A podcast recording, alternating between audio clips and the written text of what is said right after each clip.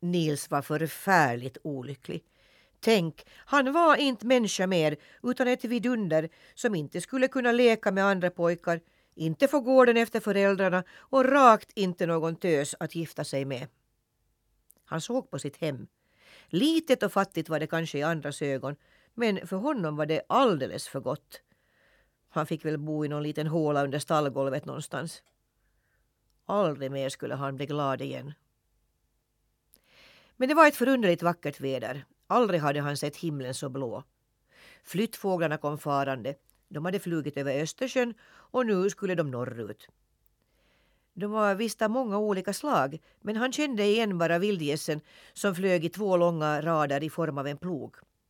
Han hörde hur de skrek där uppe. Nu bär det till fjälls, nu bär det till fjälls. Vildgässen fick plötsligt syn på tamgässen nere på gården och de sänkte sig närmare marken och ropade. Kom med, kom med till fjälls, till fjälls! Men tamgässen svarade så förståndigt. Vi har det så bra som vi har det. En ovanligt ljuvlig dag var det som sagt, med en luft som det måste vara en sann glädje att flyga i. Så för varje ny vildgåsflock som drog förbi blev tamgässen mer och mer oroliga och det flaxade och flaxade med vingarna som om de ville följa med. Hm. En sån galenskap, sa gamla gåsamor då. De där får både hungra och frysa. Hos en ung gåskar hade vildgässens rop emellertid väckt en obändig reslust. När en ny flock kom och skrek ”Kom med, kom med!” så då svarade han ”Vänta, vänta, jag kommer!” Han bredde ut vingarna och höjde sig men han var så ovan att flyga att han föll ner på marken igen. Vildgässen vände om och flög saktare för att se om han tänkte göra ett nytt försök. Allt detta såg och hörde Nils gåsapåg där han låg på gärdsgården. Det vore skada om gåskaren skulle ge sig iväg, sa han för sig själv. Det skulle göra far och mor stor sorg om han är borta när de kommer hem från kyrkan. Och på nytt glömde han att han var liten och hjälplös. Han tog ett språng rätt ner i gåsflocken och slog armarna om gåskarlens rygg. Du låter allt bli att flyga din väg du, ropade han. Men just då hade gåskarlen kommit underfund med hur han skulle lyfta från marken. Och nu kunde han inte stanna och skaka av sig pojken utan Nils fick följa med upp i luften. Det bar av så fort att han hisnade. Innan han kom att tänka på att han borde släppa taget om gåskarlens hals var de så högt uppe att han skulle ha slagit ihjäl sig om han hade trillat ner. Det enda han kunde göra var att krångla sig upp på gåsaryggen men sen var det ingen lätt sak att hålla sig kvar på den glatta ryggen mellan de svängande vingarna. Han fick gripa djupt ner i fjädrar och dun med båda händerna för att inte ramla i backen. Nils blev så yr i huvudet att han inte visste till sig på en lång stund. Luften ven och väste om honom och det brusade i fjädrarna som av en hel storm.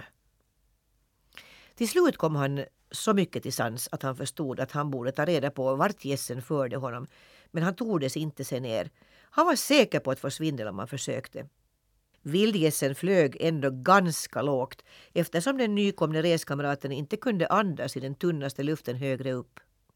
För hans skull flög det också lite långsammare än vanligt. Så småningom tvingade sig pojken att kasta en blick åt jorden till.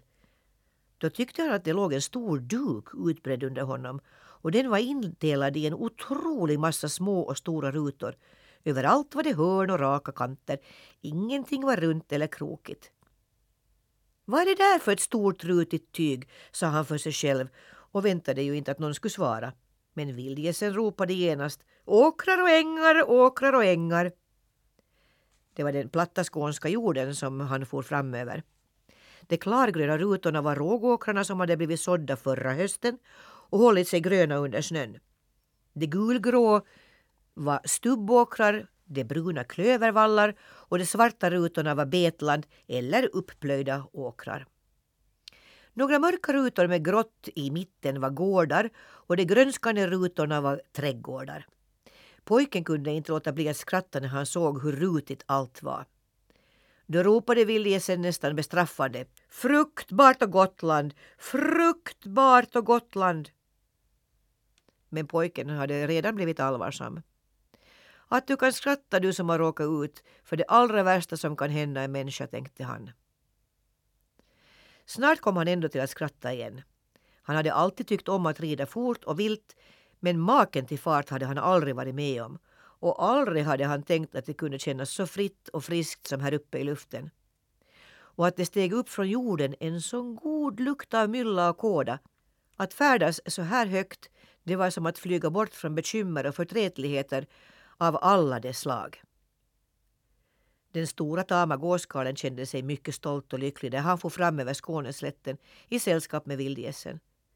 Men fram på dagen började han tröttna och blev flera gåslängder efter de andra. Då ropade de som flög sist i gåsen längst fram som ledde tåget.